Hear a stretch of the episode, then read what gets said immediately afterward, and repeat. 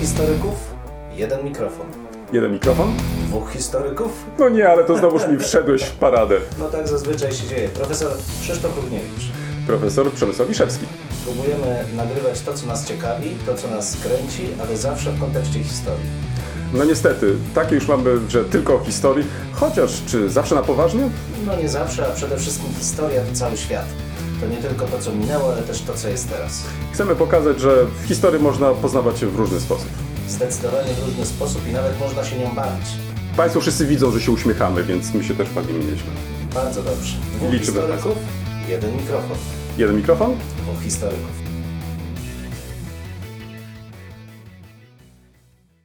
Trzy, dwa, jeden. Dzwoneczek nam dźwięknął.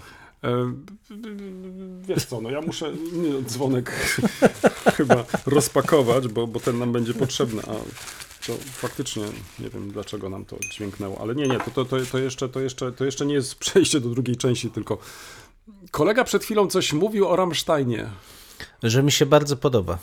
A co ci się takiego podoba w tym Rammsteinie? Oni są tacy rytmiczni. A, no właśnie, to taki już widzicie Państwo, nie, nie, ja już więcej zadań, nie będę zadawać pytań, bo kolega... Mogę tutaj- kilka tytułów tak, wymienić, jeszcze ale kilka tytułów. A, to widzę, że poranie to taki... uszy kolegi. Tak, tutaj widzę, że to taki stały słuchacz. No.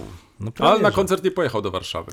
Nie, bo ja tak koncerty to ja lubię bardziej kameralne. Gdzie ja bidny w takim tłumie to... Dlaczego? Byłbyś tak, wiesz, byś sobie tak skakał, hop, hop. Raz byłem, raz byłem, na, jak było za pierwszym razem Metallica z ICDC i to było bardzo sympatyczne w Chorzowie, natomiast generalnie to ja tak wolę klubowe koncerty, bo ja lubię widzieć, kto śpiewa, a nie patrzeć na kukiełkę gdzieś tam daleko. A dlaczego? No to mógłbyś sobie wykupić dla VIP-ów.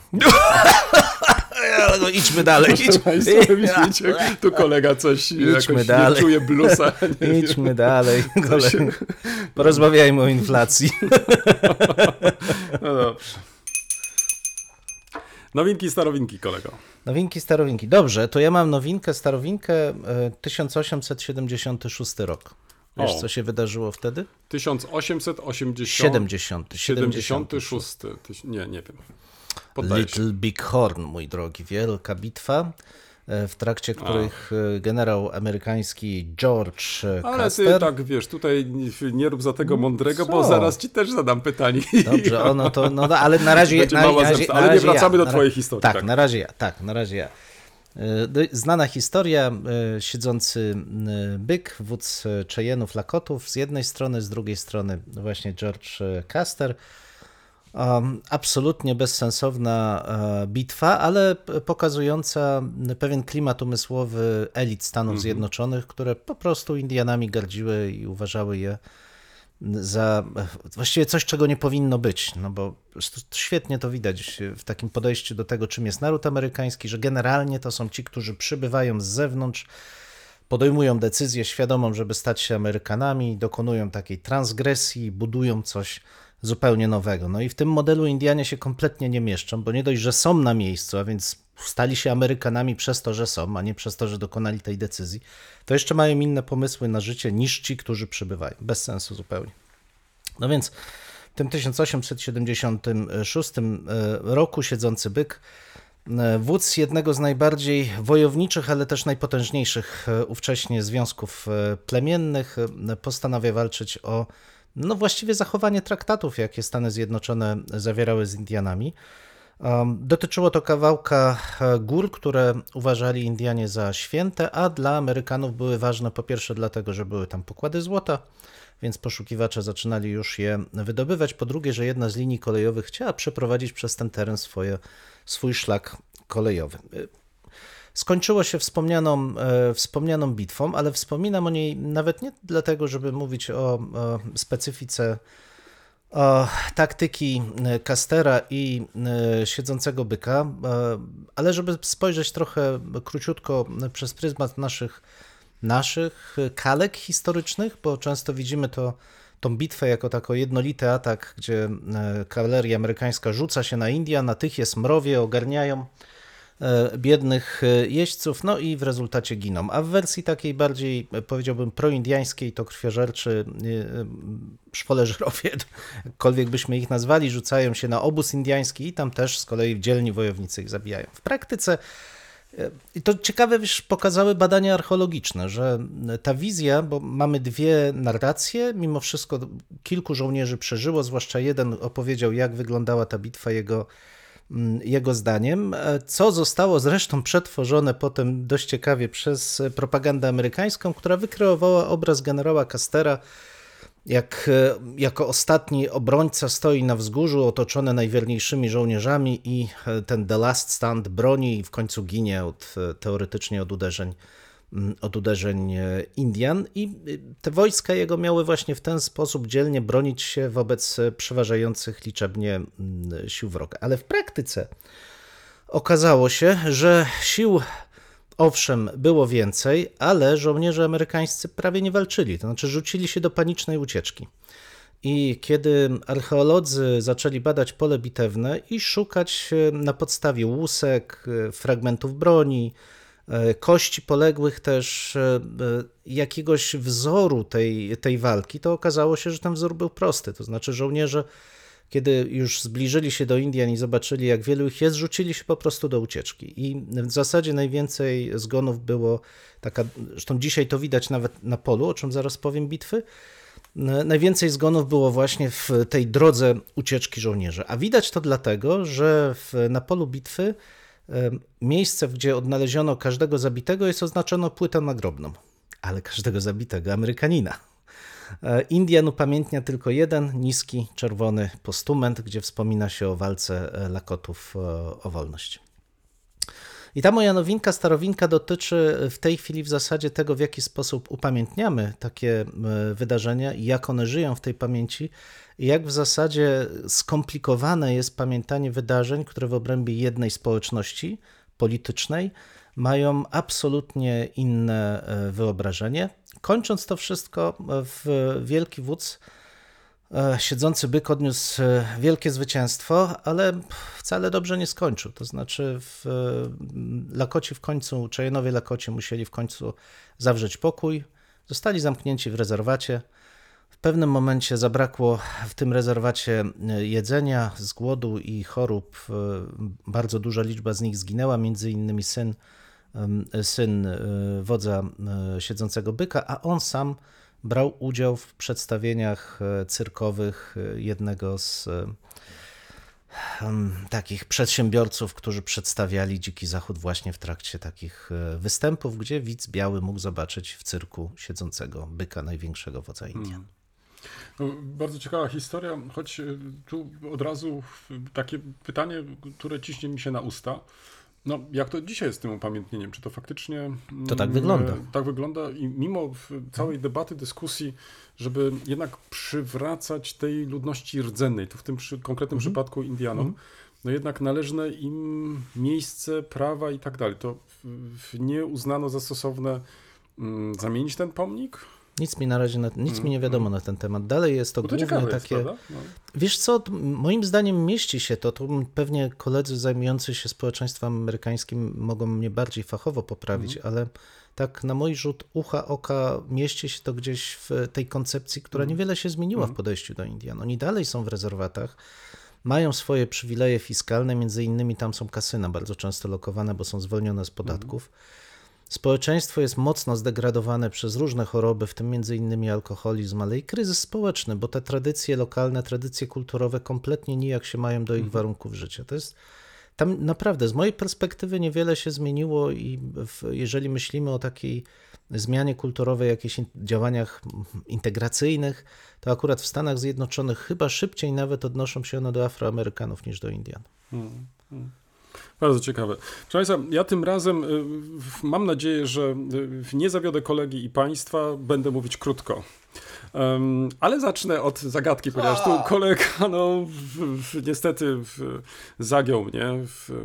no ale Boże, od czego nasze są tu rozmowy, żeby się um, no jednak nawzajem uczyć, przypominać. Um, a jeżeli właśnie się nie wie, to się przynajmniej człowiek dowie. Dobrze, rok 1883. No dobra, i tak nie wiem, to co się ha, No widzisz, no, mógłbyś się domyśleć, ponieważ no. mamy y, y, początek wakacji, więc y, w, z czym może być związana ta moja historia? Z jazdami na nartach.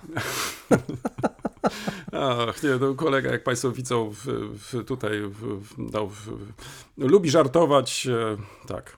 Otóż, proszę pana, proszę Państwa, w 1883 mm, rozpoczęła się historia jednego chyba z najciekawszych projektów, y, mm, bym powiedział, takiego e, o charakterze w- komunikacyjnym, transportowym, mianowicie wtedy mm, powstał Orient Express. W 1883 i na trasie Paryż-Stambuł em, przewoził e, pasażerów. em, Przy czym no, tu od razu trzeba powiedzieć, nie każdego było stać na e, tą podróż, bo i mm, e, kupić bilety było trudno, dalej mm, nie każdego było na te bilety stać.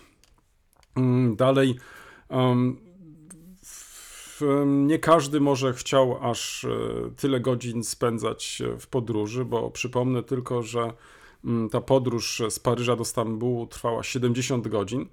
E, Liczyła prawie 3000 kilometrów, uzmysłów to sobie, prawie 3000 kilometrów, ale oczywiście e, podczas tej podróży starano się umilić e, ten czas podróżnym i w, w, było kilka barów, można było nawet słuchać muzyki na żywo. Pewnie kolega się pyta teraz cały czas y, i państwo, skąd ten przypadek i skąd ta historia. skąd ten przypadek i skąd ta Tak, to historia? nie tylko wakacje, proszę Państwa, i, i to też tak sobie pomyślałem, że, że może taki wakacyjny temat wybiorę, tylko e, pewnie tego nie wiesz, mam taką nadzieję, że e, w, na jednej z bocznic Pod Terespolem. pod Terespolem znaleziono 17 niszczejących wagonów, które e, należały do właśnie e, tej kolei słynnej Orient Express. A ponieważ mamy do czynienia tutaj. No nie, nie, nie to, to, ja, to ja już się poddaję. Nie, nie, dawaj, dawaj, dawaj. W każdym razie e, z tym wiąże się wielka historia, bo to przecież nie jest tylko sprawa, że mamy do czynienia z jedną z najstarszych tras. E, No, można wręcz powiedzieć e, historycznych, e, ale też tras, która się cieszyła sporym zainteresowaniem. Chyba jedną z osób, która spopularyzowała w, jako jedna z pierwszych tą trasę, była Agata Christie, która poświęciła mm, e, tak właśnie cały swój kryminał, ale przecież także i filmowcy często korzystali z tej trasy i w, w to tam lokowali swoich głównych bohaterów. E, Warto choćby przypomnieć pociąg do Stambułu, później pozdrowienia z Rosji, czy nawet e, Arsena Lupin, więc to wszystko się jakoś tam kręciło z kryminalnymi historiami i tak dalej, i tak dalej. Niezależnie od tego, i chyba to jest dobra wiadomość dla nas. Em, otóż jedno z francuskich e, przedsiębiorstw postanowiło odrestaurować e, te wagony, to znaczy pewnie zakupiło te wagony, czy odkupiło te wagony, em, odrestaurowało te wagony i podobno ma być e, wznowiony, wznowiono kursowanie w ramach Orient Expressu, czyli wkrótce, proszę Państwa, będziemy mogli się ustawić e, w okienku do, w, na dworcu i wykupić bilet z Paryża. No może niekoniecznie z Paryża, umówmy się, z Wrocławia. Chociaż nie wiem, no, to by trzeba było zobaczyć, jak faktycznie przebiegała ta On trasa. chyba przez Grację No jednak. jednak, właśnie, czyli musielibyśmy wybrać takie miejsce, które byłoby nas najbliżej Tak. i wsiąść do tego słynnego Wiedeń? pociągu. Kto wie właśnie, kto, kto wie, czy nie właśnie Wiedeń. E, I następnie udać się do Stambułu. Mhm. Hmm. Czy oczami wyobraźni nie... Ja chętnie. Ja, ja też. To, super. słuchaj, ja uważam, że, że chyba to jest warte każde pieniądze, tak, prawda? tak. Żeby wsiąść do tego słynnego pociągu i tak trochę się poczuć No. Agata Christie? Może ktoś inny jeszcze? No, to, ale, no, ale zrobiłeś smaka po No, prostu. tak pomyślałem sobie, że tak trochę wakacyjnie, a przy okazji e, mówiłeś e, trochę też o obchodzeniu się różnymi symbolami, o tym też jak podchodzimy do historii, to mi się wydaje, że dobrze się stało, że raz z- znaleziono, tak więc mamy wątek polski tej historii, e, znaleziono... A co sugerujesz, że Polacy tam ciągle szukają tych Nie, wagonów? to nie w tym sensie, wiesz. Na każdym bo- dworcu, gdzie jest ten Może wagon? tylko dopowiem, że, że, że ta trasa się później zmieniała, ona się kurczyła cały tak, czas. tak. Aż w końcu w, e, zaprzestano w ogóle w, organizować przejazdy. No, teraz jest duża szansa. E, jestem bardzo ciekaw ceny takiego biletu. Kto mhm. wie, może jak będę miał jakąś taką okrągłą taką rocznicę mm. urodzin, no wiesz, słuchaj, może sobie zażyczę dobrze, wtedy. Dobrze, A co? Dobrze, to zostawię to na razie jako jeszcze znakiem zapytania. Trzymam tylko kciuki, żeby ta firma faktycznie podałała temu wyzwaniu i żeby faktycznie te, mm, ten pociąg ruszył w trasę, jak to było przed dziesiątkami lat. Tak. Nie, my dzwonimy tylko kolego, zapraszając do kolejnej części. Mm, bo skoro tak e, Państwo wszyscy cierpliwie e, czekają, no to nie możemy Was też zawieść. Zwróciliście uwagę, że tak trochę dzisiaj szybko, tak jakoś tak dynamicznie, no ale no, my też tak chcemy od czasu do czasu wprowadzać e, takie właśnie nowe podejścia.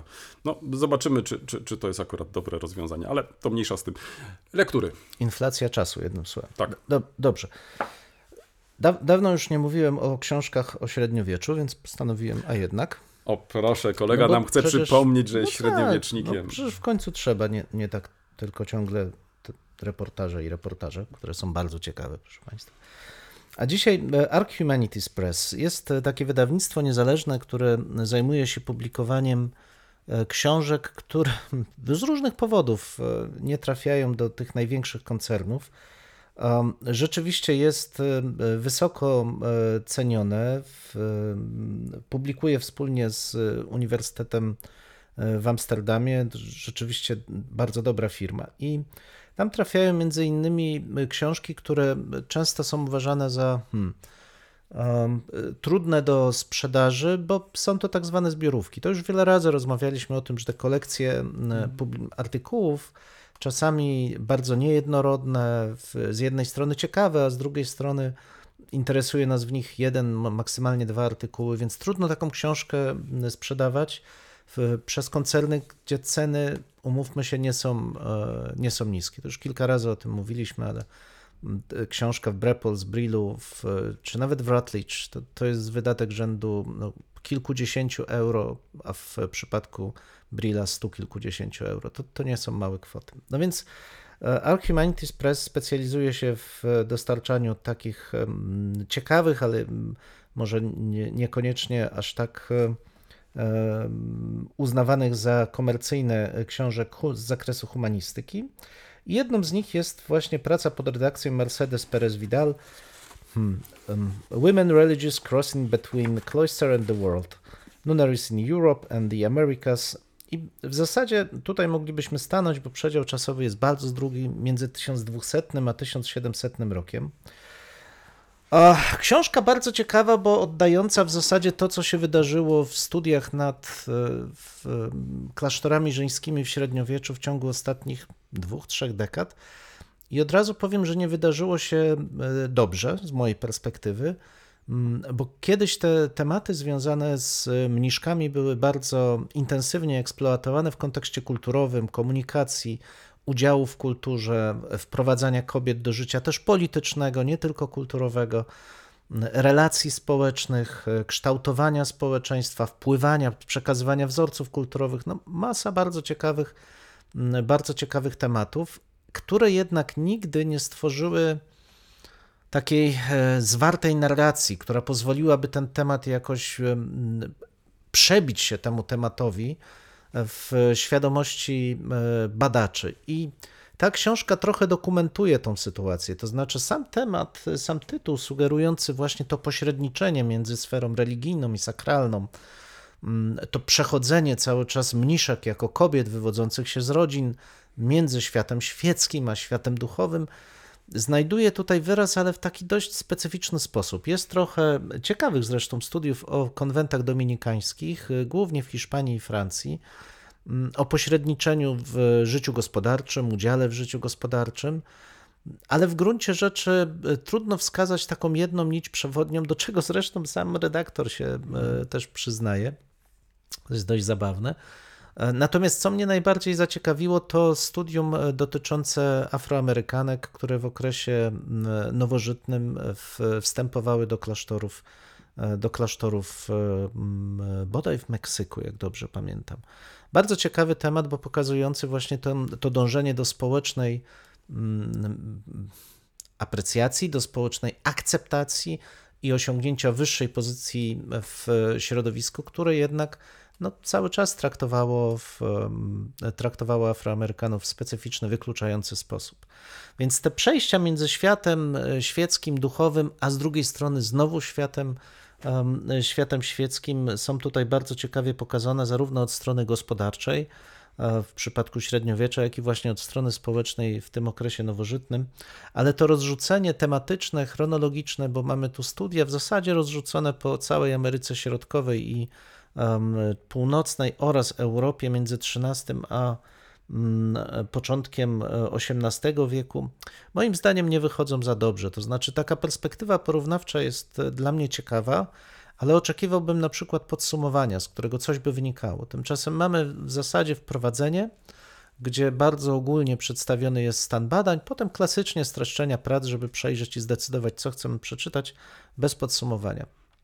To jednak jest y, mało w, no, niesatysfakcjonujące mnie podejście, ale generalnie samą książkę polecam e, właśnie po to, żeby rozpoznać e, chociażby funkcjonowanie tych społeczności klasztornych między średniowieczem a nowożytnością w starym i nowym, e, w starym i nowym świecie. Książka zresztą dostępna jest e, w Open Accessie, więc można spokojnie ją ściągnąć i link do tego miejsca Państwu w opisie przekażemy.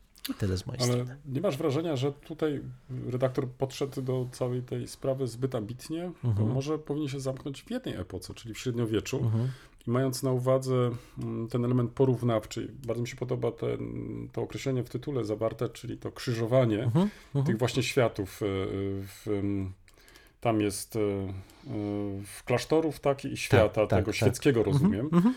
Czyli to równie dobrze i pewnie tego materiału wystarczyło w, w, uh -huh. na jedną książkę, mhm. zamknąć się tylko w ramach jednej epoki. Tak. Jak, jakbyś tłumaczył wyjście poza średniowiecze i włączenie na przykład nowożytności? Czy to jest związane z, tą, z, tym takim podejściem tej, tej historii Croisé, że, mhm. że, że chce się w szerszym, czy tam w, mając na uwadze kilka tych e, stuleci, w takim nieco szerszym zakresie, z takiej szerszej perspektywy pokazać e, pewne zjawiska? Wiesz co, chciałbym, żeby tak było, natomiast sam redaktor tłumaczy, czy redaktorka tłumaczy w sposób to taki dość załamujący, że książka, zalążkiem książki była konferencja, dotycząca właśnie średniowiecza, mhm. ale potem przy okazji pojawiły się w ramach projektu badawczego jeszcze nowe studia. Czyli drugi tom. No więc właśnie. I stworzono taki jeden tom. No tak. to, to nie jest, znaczy, mówię, dlatego też nie satysfakcjonuje mnie to, bo to jest taka troszkę, nie że przypadkowa, bo jednak redaktor starał się, żeby nadać temu jakiś ogólny charakter, ale nie jest to to, czego oczekiwałbym od takiej syntezy. Moja lektura poszła w innym kierunku, mianowicie bardziej historii nauki. A pretekstem e, były dzienniki, mm, też są dzienniki Stanisława Soskiego. To jest pierwszy tom, dzienniki za lata 1905-1939, pięknie opracowane przez Różę Sułek. E, zresztą sam tom jest e, przepięknie wydany. Ma też zakładkę, co chciałbym tutaj szczególnie podkreślić. Ogonki są ważne. Tak, to, to w, w, przypadku dzienników faktycznie to się sprawdza, chociaż tutaj nawet życzyłbym sobie dwa. Hmm. Tak, nawet życzyłbym sobie dwa, ponieważ. Taki zaborczy mm, jesteś. Tak, bo sam musiałem dodawać swoje, a, a dlaczego? Mogłem skorzystać z, z, z kilku zaproponowanych, przed, zaproponowanych przez wydawnictwo. Mm, dlaczego zwróciłem uwagę na mm, te dzienniki? To nie tylko dlatego, że mamy do czynienia z, ze znanym socjologiem, kulturoznawcą, mm, ale też e, okresem, który się zajął, bo to jest pierwszy tom, tak jak wspomniałem, jeden z trzech tomów. Po raz pierwszy w całości jest e, ten dziennik e, drukowany. Ale to, co mnie zainteresowało, to zainteresowało mnie kilka takich płaszczyzn. To znaczy, pierwsza płaszczyzna, która interesuje każdego z historyków, to, to jak Mm, opisuje wydarzenia historyczne. I tutaj nie zawiodłem się. Muszę przyznać, że Osowski pisze sporo o I wojnie światowej, o wojnie polsko-bolszewickiej, której sam uczestniczył. Ale mamy, i to taka wskazówka dla nauczycieli, bardzo ciekawy opis przewrotu majowego nastrojów ulicy, jak reagowano na to, z jakimi nadziejami, z jakimi obawami rozpatrywano te wydarzenia. Dalej mamy też sporo miejsca w tym dzienniku poświęcone w kampanii wrześniowej. Czyli to, co kończy te dzienniki, ta cezura końcowa 1939 roku.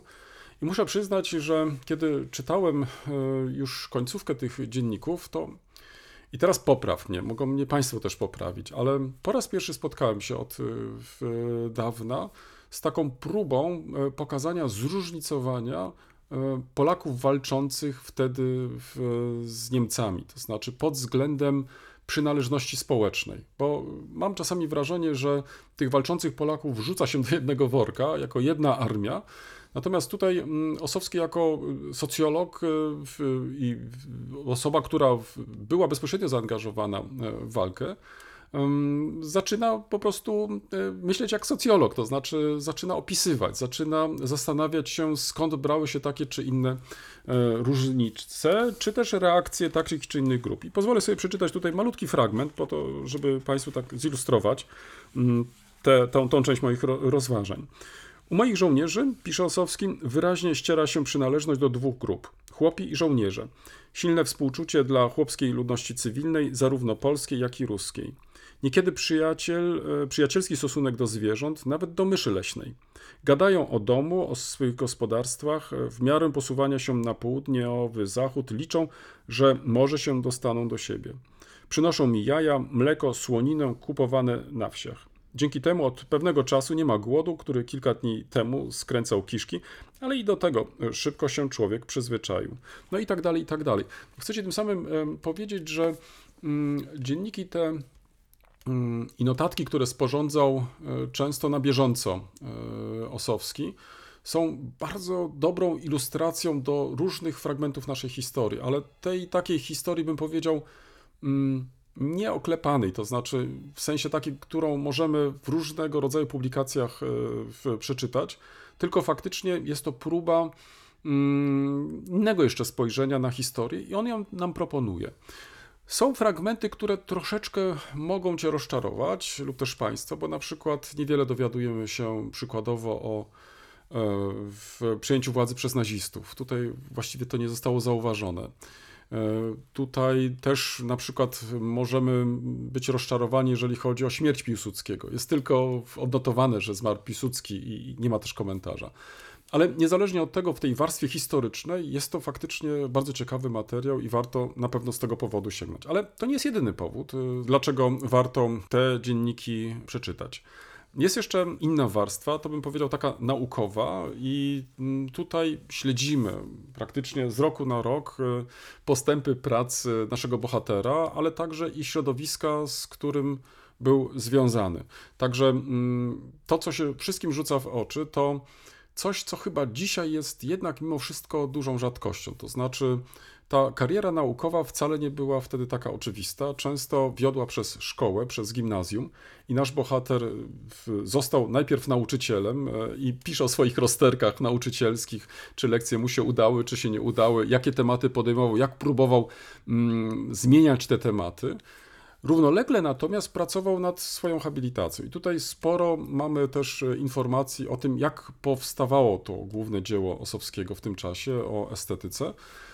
I widać jego dylematy, to znaczy z jednej strony osoby, która no, no ma jednak tę ambicję bycia naukowcem, ale z drugiej strony jest skazana na uczenie w szkole. I, i jest to bardzo ciekawe. Także mamy też wgląd trochę w taki warsztat e, naukowy samego Osowskiego, ale równocześnie poznajemy też warunki, w jakim przyszło pracować wtedy młodym e, naukowcom.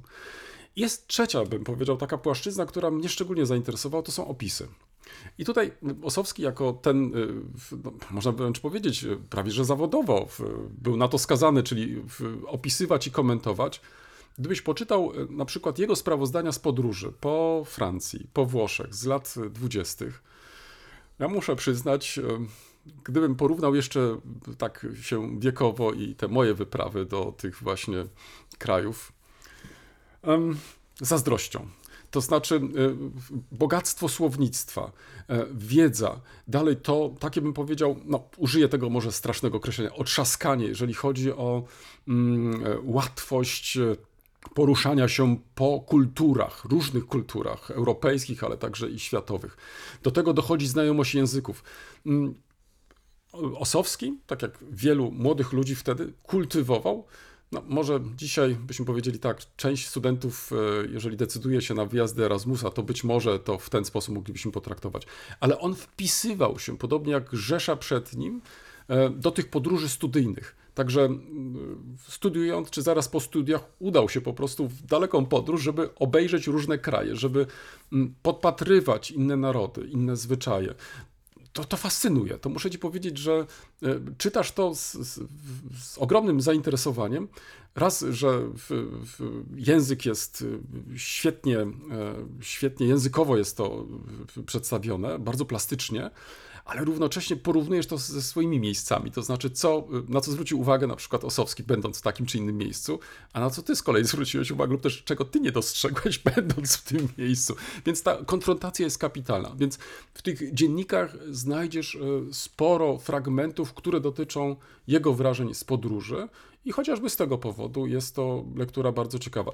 No, jestem teraz ciekaw najnowszego tomu, bo właśnie ukazał się drugi tom, y, który dotyczy okresu wojennego, więc już cieszę się teraz na kontynuację tej lektury. No ale trzeba było i wypadałoby zacząć od pierwszego tomu. Przypomnę, mm, Stanisław Osowski, dzienniki, tom pierwszy. 905-939 mm, w opracowaniu Róży Sułek.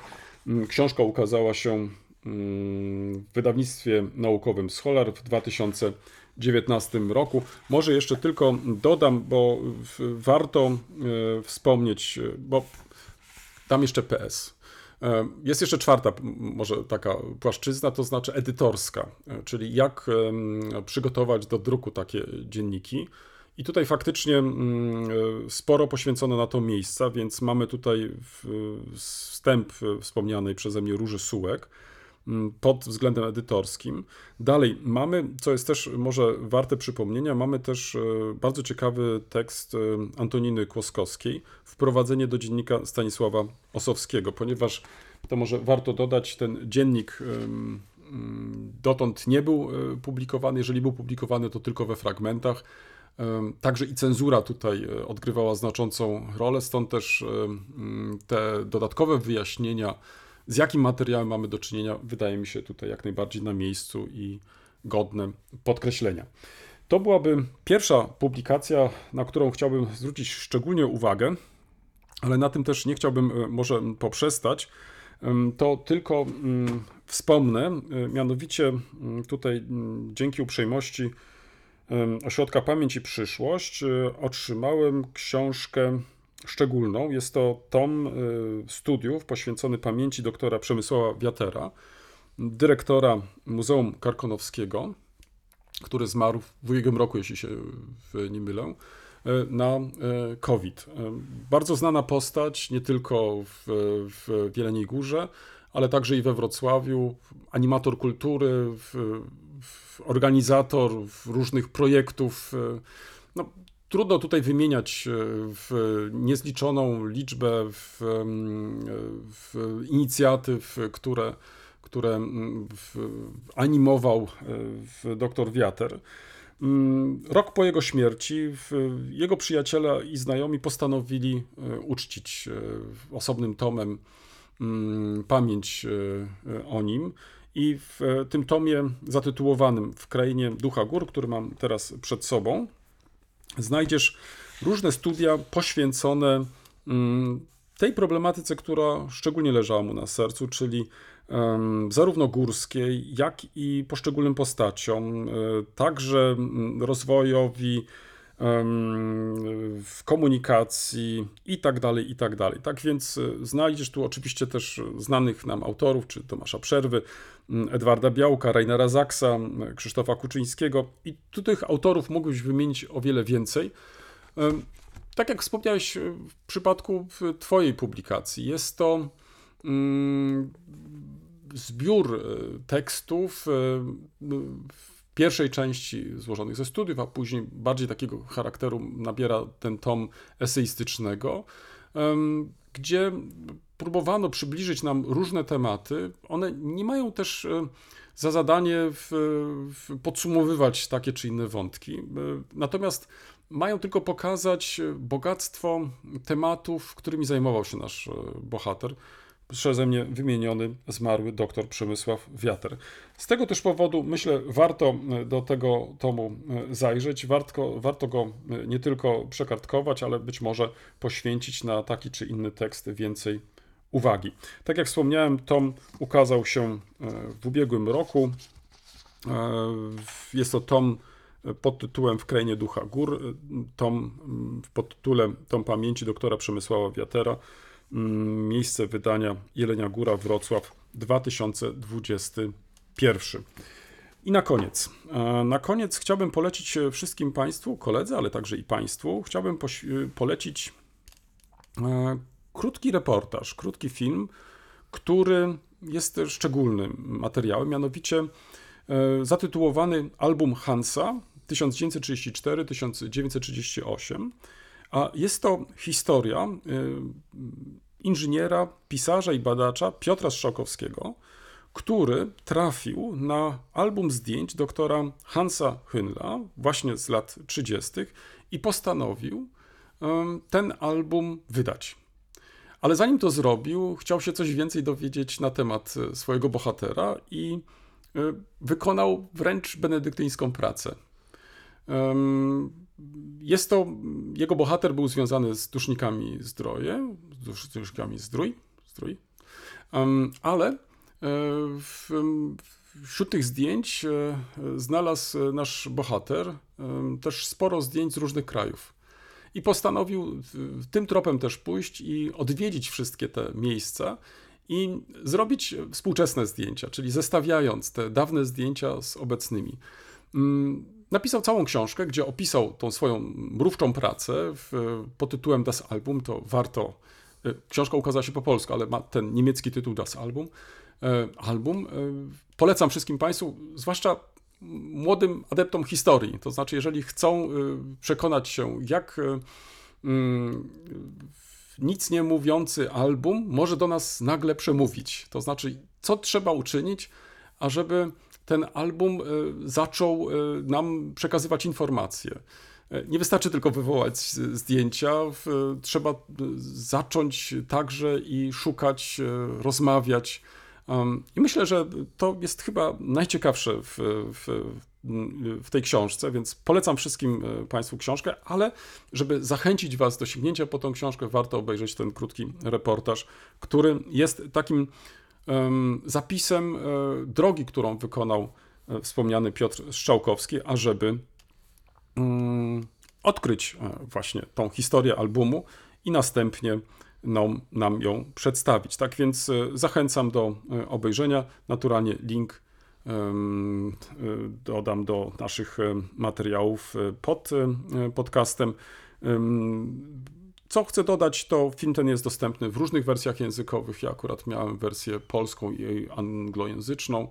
E, jest też niemieckojęzyczna, więc jeżeli Państwo macie jakichś znajomych, e, być może organizujecie jakieś e, spotkania polsko-niemiecko-angielskie, Bóg wie jakie, to mnie się wydaje, że jako historia warta jest tego, żeby podczas takich spotkań do mm, tego materiału nawiązać. To z mojej strony tyle, jeśli chodzi o lekturę. Bardzo ładnie, bardzo ładnie. To kolega teraz. E, tak, krótki, ale... krótki wykład. Krótki, krótki, wykład, krótki wykład tak. to kolega da, bo proszę Państwa, nie wiem, kolega już jest historykiem wyklętym. Działa nie ma w podziemiu, a tu trochę sobie Działa oczywiście żartujemy, ale e, udzielił... Ale nagrywamy nad ziemią. Na, no troszkę, bo to w zasadzie tak trochę piwnicznie jest. Ale w każdym razie... Proszę Państwa, nie, nie, nie, nie to, to, to jest coś strasznego. No, w każdym razie e, udzielił, mm, ko, hmm, chciałem powiedzieć korepetycji, korepetycji. Ale, ale wywiadu. Ale ostatnio jednemu... udzielamy cały czas korepetycji. No, cały czas tak, wspieramy nasze życie polityczne i społeczne naszym, naszą wiedzą. Każdym razie dotyczących reparacji, e, które rzekomo e, Niemcy powinny nam wypłacić za II wojnę światową. I ja z całym naciskiem mówię nam, bo proszę Państwa, zafrapowało mnie takie biblijne wręcz przekonanie, że za winy pra, pra, pra, pra po, powinien odpowiadać bieżący przedstawiciel takiej wspólnoty, takiej rodziny, bo Tutaj mamy kwestię oczywiście odszkodowań niemieckich. Można powiedzieć, że jeszcze żyją ostatni mm, uczestnicy e, tych e, wydarzeń, ale pamiętamy i roszczenia, które e, niby z przekąsem, ale jednak były kierowane do Szwecji za najazd XVII-wieczny, za potop.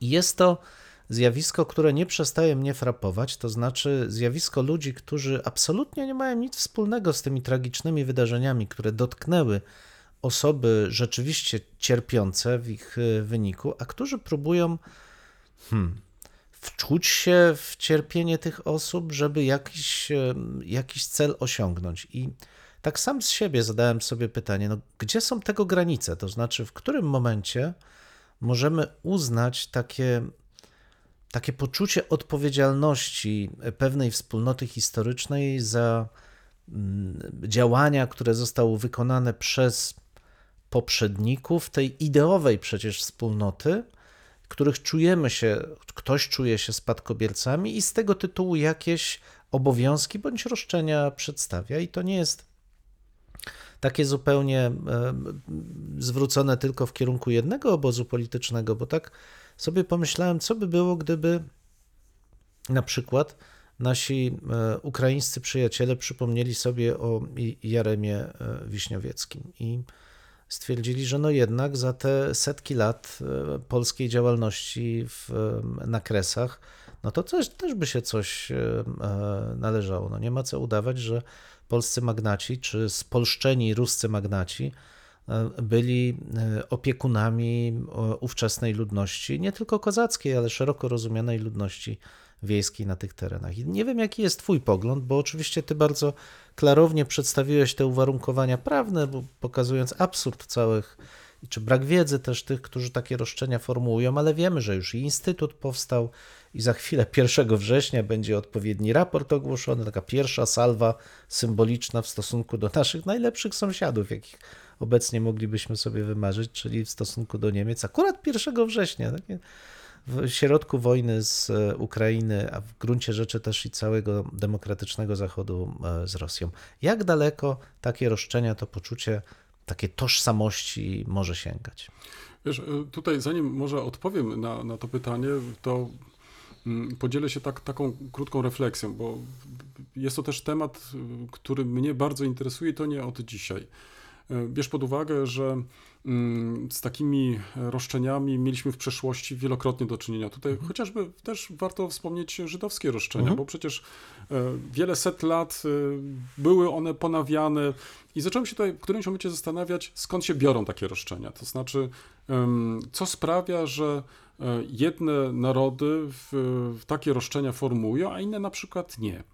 I tutaj nie wiem, czy się zgodzisz, ale być może takim kluczem do zrozumienia tego, czy takie, taki naród, już niezależnie od tego, w którym okresie byśmy go określali, bo to, czy, czy, czy definiowali, niekoniecznie musimy definiować to tym naszym XIX-wiecznym rozumieniem, tylko to może być równie dobrze naród złożony z, z takiej czy innej grupy, która dominuje i tak dalej, i tak dalej, że być może to było związane z tymi e, w, w narodami, które nie miały państw. To znaczy, lub też które miały państwa, ale te państwa straciły. I później przez setki lat e, kultywowały pamięć o tym państwie, które kiedyś istniało. No i tym samym narastało to takie podejście roszczeniowe, to znaczy to takie wyobrażone, jak ewentualnie to przyszłe państwo może wyglądać i kto jest winny tej sytuacji, że to państwo zostało e, po prostu w jakiś sposób e, utracone. Nie wiem, być może to jest jakiś klucz. E, innym kluczem może być to, czy no, jesteśmy jednak dojrzałym e, narodem, państwem, czyli takim, który może przejść do porządku dziennego, nie dyskutując e, o tych kwestiach roszczeniowych, bo być może one na jakimś tam etapie mogą być rozwiązane, jeżeli w ogóle, ale ważniejszy jest cel, który chce się tym osiągnąć. Bo y, zwróć uwagę, że y, nawet jeżeli uda ci się osiągnąć takie czy inne roszczenia, to zawsze pozostaje ta strona, która zyskała i taka, która straciła. I teraz pytanie, czy nawet po dziesiątkach lat warte jest dochodzenie e, takich czy innych e, roszczeń, bo nie bez powodu powiedziałeś, że z naszym zachodnim sąsiadem mamy bardzo dobre relacje i czy kosztem tych dobrych relacji podnoszenie tych kwestii jest dzisiaj no, sensowne. I jeszcze w takiej formule, jak to na przykład w tym konkretnym przypadku słyszeliśmy, publicznie, w, w sposób taki oskarżycielski i tak dalej, i tak dalej. Ale Kilka takich uwag może porządkujących, bo użyłeś różnych pojęć. Ja myślę, że e, tu warto je trochę przybliżyć, bo wspomniałeś raz o reparacjach, innym razem o odszkodowaniach. I tutaj to, na co chcę zwrócić szczególną uwagę, i to jest ten problem, który w przestrzeni publicznej wielokrotnie jest e, mylony. Co innego e, reparacje, co innego odszkodowania. I o ile w przypadku reparacji możemy mówić o zobowiązaniach państwo-państwo, E, to w przypadku odszkodowań mówimy państwo obywatel. I to są dwie różne rzeczy, bo to są różne też tytuły, które pozwalają ci się e, w jakiś sposób e, ubiegać o uzyskanie takich czy innych, takich czy innych kwot. I teraz jeżeli chodzi o te rozstrzygnięcia państwowe, to zwróć uwagę, i w przeszłości mamy wiele takich przykładów, gdzie szukano, jak w przypadku, kiedy w państwa ze sobą toczą wojny, że mm, jedno z tych państw ostatecznie w, w takiej wojnie wygrywa. Co sprawić, ażeby naprawić krzywdy na przykład państwa, które zostało napadnięte? E, jak to rozwiązywać? No, tutaj nie zawsze były to optymalne rozwiązania. Często korzystano z tej możliwości, że zasądzano czy narzucano kontrybucje, że, że w, w, czyniono to w sposób bardzo też konsekwentny, wręcz doprowadzając w niektórych sytuacjach do bankructwa takiego czy innego e, państwa, ale faktycznie w taki sposób też czyniono. Jednak mm, e, społeczność międzynarodowa, bo chyba tak to można powiedzieć, zwłaszcza po I wojnie światowej, kiedy zauważono, że te rozwiązania e, monetarne nie są e, w relacjach między państwami dobrym rozwiązaniem, bo one prowadzą wcześniej czy później do kolejnych sytuacji kryzysowych. Tak, na przykład po II wojnie światowej odeszło się już od tego typu rozwiązywania problemów i na przykład uznano, że to to takie, można powiedzieć, to, to materialne e, zaspokojenie tych roszczeń, czyli nie finansowe, nie monetarne, tylko e, rzeczowe, będzie najlepszym rozwiązaniem. Czy ostatecznie się ono sprawdziło, to już jest zadanie dla historyków, ale um, chcę tym samym pokazać, że w tych rozwiązaniach, e, czy tych relacjach międzypaństwowych szukano różnych, e, różnych dróg e, zaspokojenia tych właśnie roszczeń. Inną natomiast sytuacją są te roszczenia obywateli. Tutaj sytuacja jest bardziej skomplikowana, no bo to jest tak, y, jak obliczyć czyjąś śmierć, jak obliczyć czyją, czyjeś kalectwo, czyjeś cierpienie. To jest bardzo ciężko. I tutaj, y, czy za pomocą pieniądza można to zrobić? Wiemy, że tak, to znaczy, bo lepszego po prostu rozwiązania dotąd nie znaleźliśmy. Jest tu jakiś ekwiwalent, ale czy na przykład e, ktoś będzie miał roszczenia przykładowo w wysokości jakiejś bajońskiej, czy to oznacza, że te pieniądze zostaną mu wypłacone? No nie. To znaczy są pewne ramy, w których my też się po prostu poruszamy. Co wcale nie oznacza, że na przykład nawet jeżeli zostanie wypłacona taka czy inna kwota, że to takie poczucie e, nasze jest zaspokojone, to znaczy, że ten problem został rozwiązany raz na zawsze. Wielokrotnie jest też tak, że no jest to tylko jakiś pewien ekwiwalent, że, że tego nie można w 100% e, w, jakoś e, w, zaspokoić i tak dalej.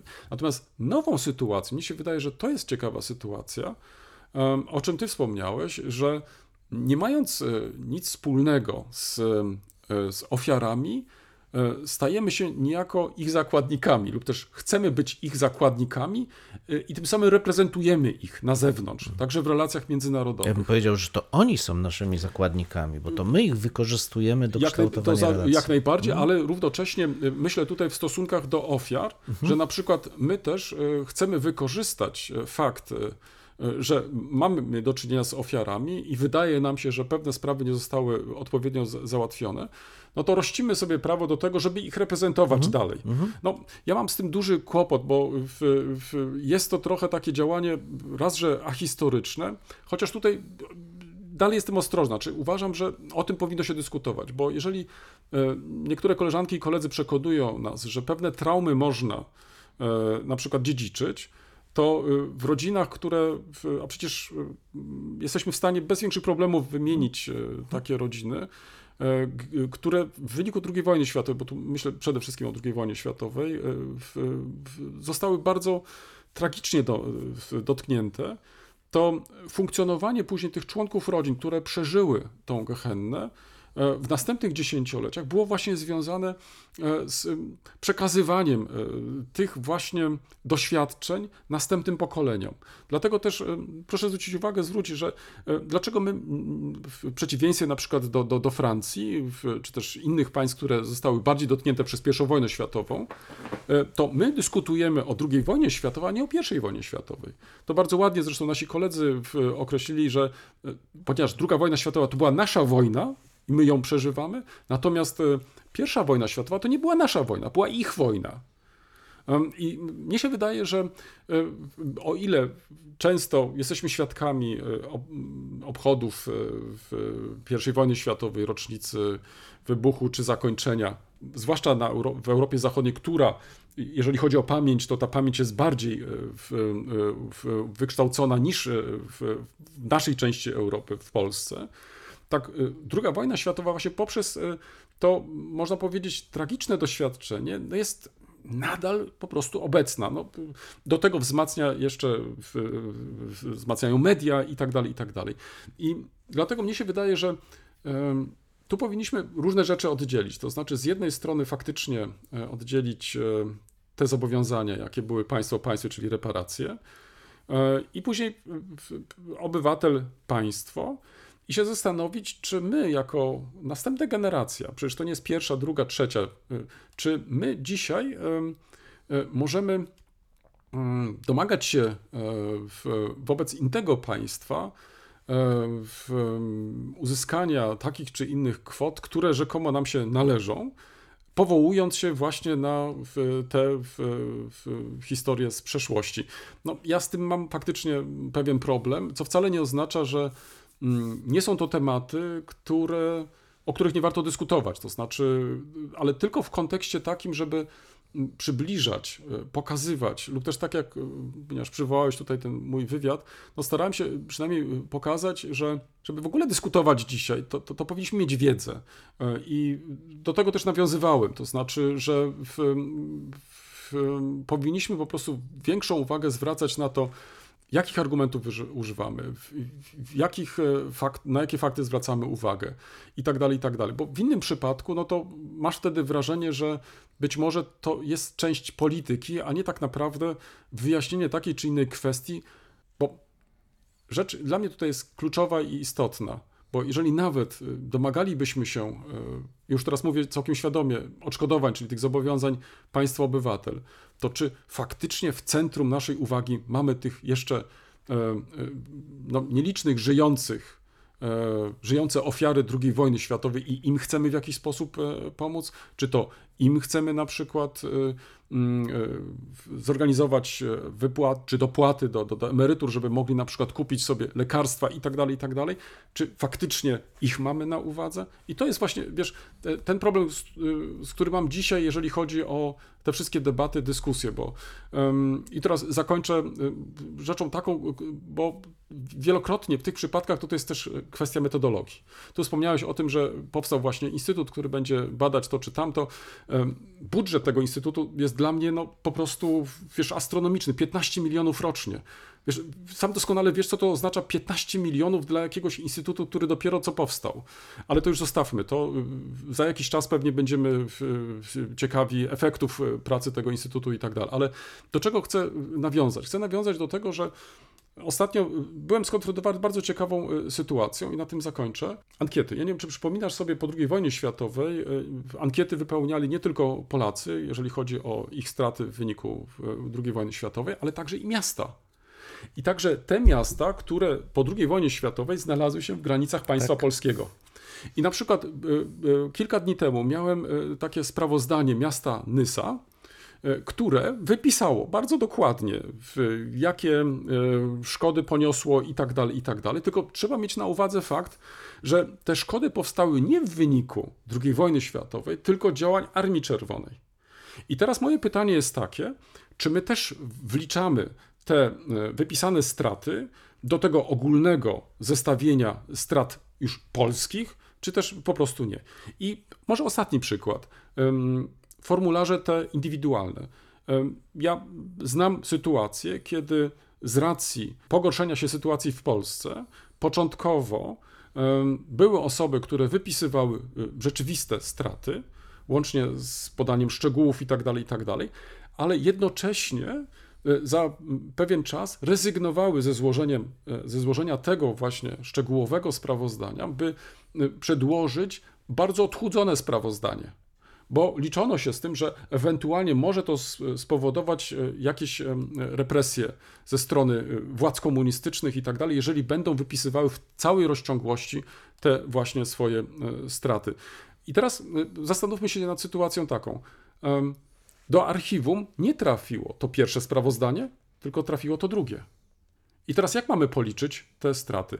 No i na koniec, żeby już kolegę dobić, jak policzyć y, na przykład y, straty symboliczne?